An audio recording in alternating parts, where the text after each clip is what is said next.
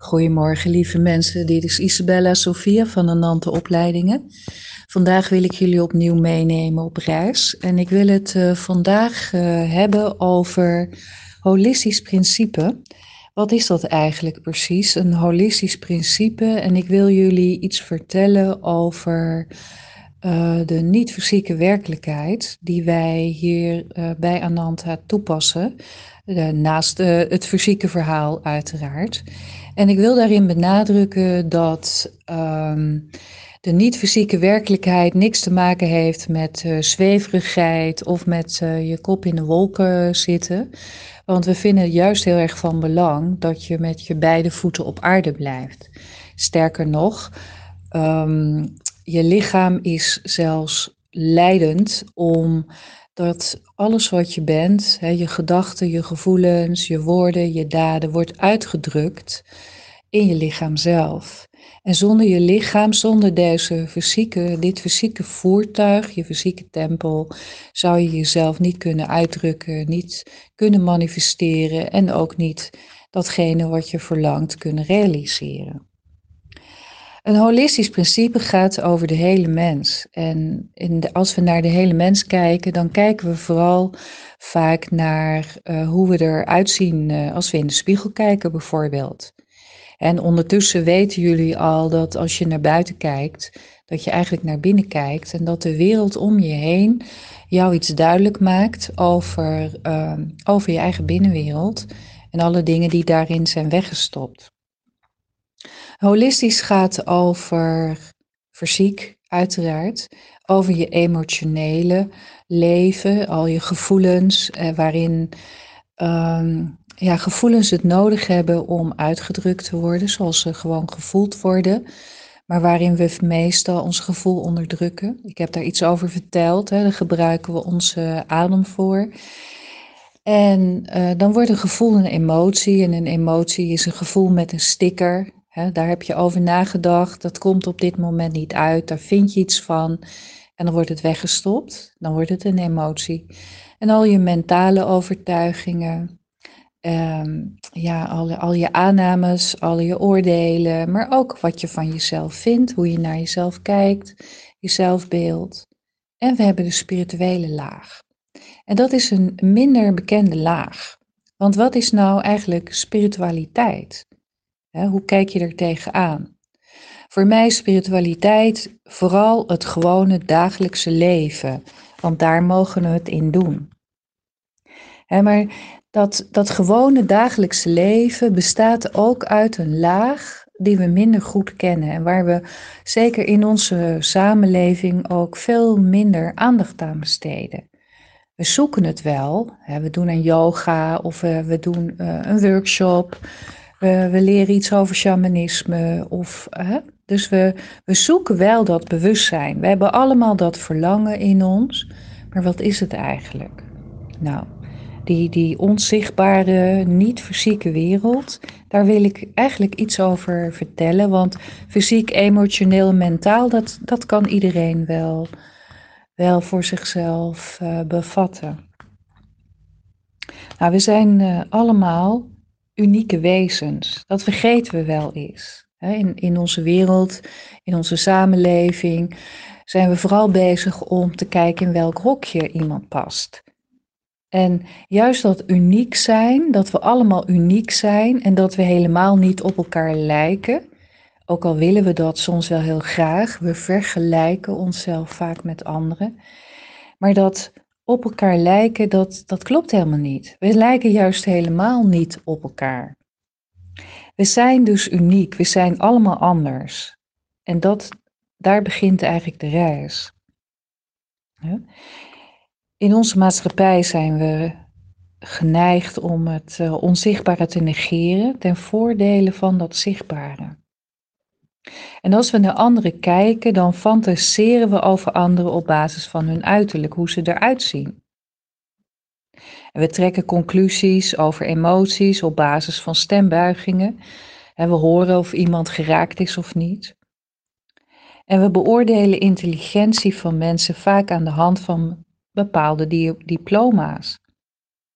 En zelfs bij sommige geloofsovertuigingen is het belangrijk ehm, bij welke kerk je hoort. Hè? En daar, daarin wordt eh, de beoordeling van je ziel aan opgehangen. Nou, ik heb jullie al verteld dat het zichtbare aanwijzingen bevat voor het onzichtbare, maar het is niet de hele waarheid. Het is slechts een spiegelbeeld. Als je naar buiten kijkt, kijk je eigenlijk naar binnen. En dat spiegelbeeld is het beeld van iemand zelf dat iemand aan de wereld presenteert. Het zichtbare is dus een reflectie van wat eronder ligt. En deze uiterlijke reflectie kan innerlijke waarheden accuraat verhelderen of ze juist verbergen. Want terwijl de ene persoon met een laag zelfbeeld zich misschien slecht kleedt of uh, stottert of relaties uit de weg gaat, kan een andere persoon met een even laag zelfbeeld heel goed een universitair diploma hebben gehaald of drie keer getrouwd zijn geweest. Wanneer we alleen afgaan op het zichtbare om de persoonlijkheid, de behoeften of waarheden van anderen of onszelf in te schatten, kunnen we net zoveel verbergen als we kunnen laten zien. Er zijn veel redenen uh, te benoemen waarom we onszelf verbergen of onszelf ja, verdraaien, aanpassen. En een van de redenen is de maatschappij zelf. We zijn een maatschappij van spiegelbeelden geworden, die zijn losgekomen van onze spiegels. Dat is geen veroordeling, maar een erkenning. Want onze maatschappij, we hoeven alleen maar om ons heen te kijken, wordt geplaagd door geweld, door lage normen en verwarring. Krantenkoppen benaderen onze fascinatie voor dood en schandalen en bedrijven beschermen hun eigen belangen in plaats van welwillend met hun cliëntelen om te gaan. En politici wijten de slechte economie aan falende economen, terwijl diezelfde economen de slechte economie toeschrijven aan falende politici. En we leggen steeds de schuld bij de ander neer. We leggen het op, op het bordje van de ander en we wijzen naar de ander. Maar achter al deze spiegelbeelden zitten mensen die zichzelf hebben afgesneden van onzichtbare waarheden. Mensen die hun verbinding met natuur, geest en liefde grotendeels verloren hebben. Ze hebben het zichtbare tot hun werkelijkheid gemaakt, maar niet het onzichtbare. Een andere reden voor de kloof tussen onze innerlijke en uiterlijk zelf volgt uit de gezinspatronen. Er zijn schattingen dat ergens tussen de 70 en 99 procent van al onze families dysfunctioneel zijn. En dat is heel erg schrikbarend. Velen van ons zijn opgegroeid in gezinnen waarin de een of andere vorm van geweld een rol speelt. De meeste van ons hebben direct of indirect verwaarlozing of fysiek, seksueel, verbaal of emotioneel geweld ervaren. Patronen van geweld komen in vele vormen voor. Voorbeelden zijn bijvoorbeeld alcoholisme of drugsgebruik, verslavingen aan medicijnen of voedsel. En er is ook sprake van geweld in iedere situatie die fysiek gevaarlijk is, uiteenlopend van geslagen worden tot bedreigd worden. Emotionele en mentale trauma's kunnen ontstaan door het voortdurend ondergaan van kritiek en vernederingen en door het niet volledig geaccepteerd of gesteund worden. Iedere onachtzaamheid ten opzichte van iemands rechten, individualiteit of privacy is geweld. Spiritueel geweld kan, hoewel minder vaak besproken, even beschadigend zijn.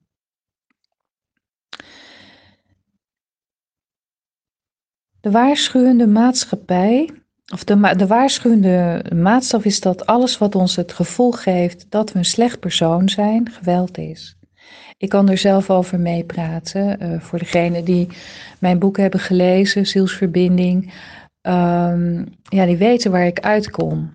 ik weet als geen ander persoonlijk hoe het is om op te groeien als kind in, in een situatie waar je nergens veilig bent of waar je geslagen wordt. Ja. Dus um, het lijkt heel erg schrikbarend als ik dit zo met jullie bespreek, maar het zijn gewoon de cijfers. En ja, weet je, het is belangrijk dat, je, dat we eigenlijk met z'n allen niet meer ons kop in het zand uh, steken, maar gewoon eens accepteren dat dit is wat er is en dat we wij zelf uitgedaagd worden om daar iets in te veranderen.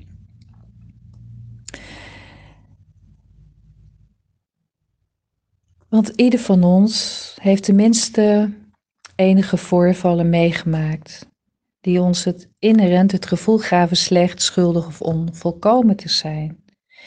Ik ken eigenlijk geen cliënt in mijn praktijk die zich niet ergens schuldig over voelt, dus wellicht herken je het ook wel. De meeste van ons zijn met moeilijkheden uit onze kindertijd omgegaan door het onzichtbare zelf te kleineren, te verzwakken, te negeren of te verbergen. Maar wat is dat onzichtbare zelf? Wat, wat verbergen we ons wat verbergen we in onszelf? Het is een essentie die heel sensitief is, die heel kwetsbaar is. Het is een, uh, een wezen in onszelf wat bemind en gekoesterd wil worden. Dat instinctief van andere mensen houdt en ook hen wil koesteren. Het is een essentie dat begrip heeft van planten, dieren en de natuur en daar ook mee verbonden is. Het is verbonden met een goddelijke bron, een hoogste macht of godheid, net zoals jij dat wil zien, met de geest en met het universum. Het is een onzichtbare taal die dit wezen kent van de innerlijke ziel, de natuur en de goddelijke bron. Dit wezen in ons allemaal is intuïtief. Het kan beelden zien, stemmen horen, gevoelens voelen en dingen herkennen op een heel diep niveau van waarheid. Niemand van ons is erin geslaagd om dit onzichtbare zelf helemaal te verbergen. Als je gekwetst voelt, gelukkig bent, je geliefd weet, als je verlangt naar liefde en of alleen buiten loopt en je verwondert over de schoonheid van de sterren, de natuur, dan ben je nog verbonden met je onzichtbare zelf. Velen van ons um, willen dit interne zelf onderdrukken om het te beschermen, om het te vernietigen omdat er zoveel pijn op zit, of om het te verbergen omdat we ons er schuldig over voelen of ons schamen, want dat hebben we geleerd. Maar niemand slaagt daar helemaal totaal in. Leven betekent dat onze zichtbare en onzichtbare delen samengevoegd zijn en elkaar wederzijds kunnen ondersteunen. Als wij leven is dat omdat tenminste enkele aspecten van ons zichtbare en onzichtbare zelf samenwerken.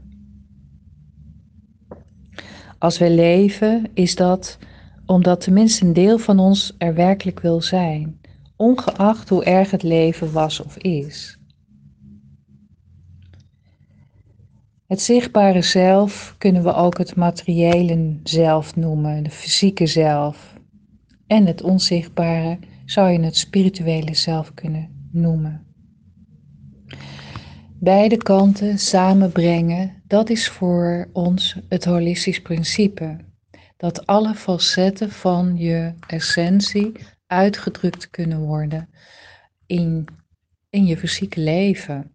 Dat je een positieve kracht wordt in deze werkelijkheid. In je eigen en op je eigen vierkante centimeter. Dat is waar we naar streven. Dat je wordt wie je bedoeld bent te zijn. En daarmee heb je ook die spirituele kant van jezelf nodig. En als we die niet leven, als we daarvan afgesneden zijn, we hoeven maar om ons heen te kijken. Mensen raken burn-out, mensen zijn depressief, mensen hebben enorm veel stress, er is verwarring, er is twijfel. En dat heeft allemaal te maken met die niet complete verbinding tussen ons zichtbare en onzichtbare zelf. Als we de wereld willen veranderen, dan betekent dat we datgene wat we in onszelf verborgen houden, weer opnieuw mogen gaan ontmoeten.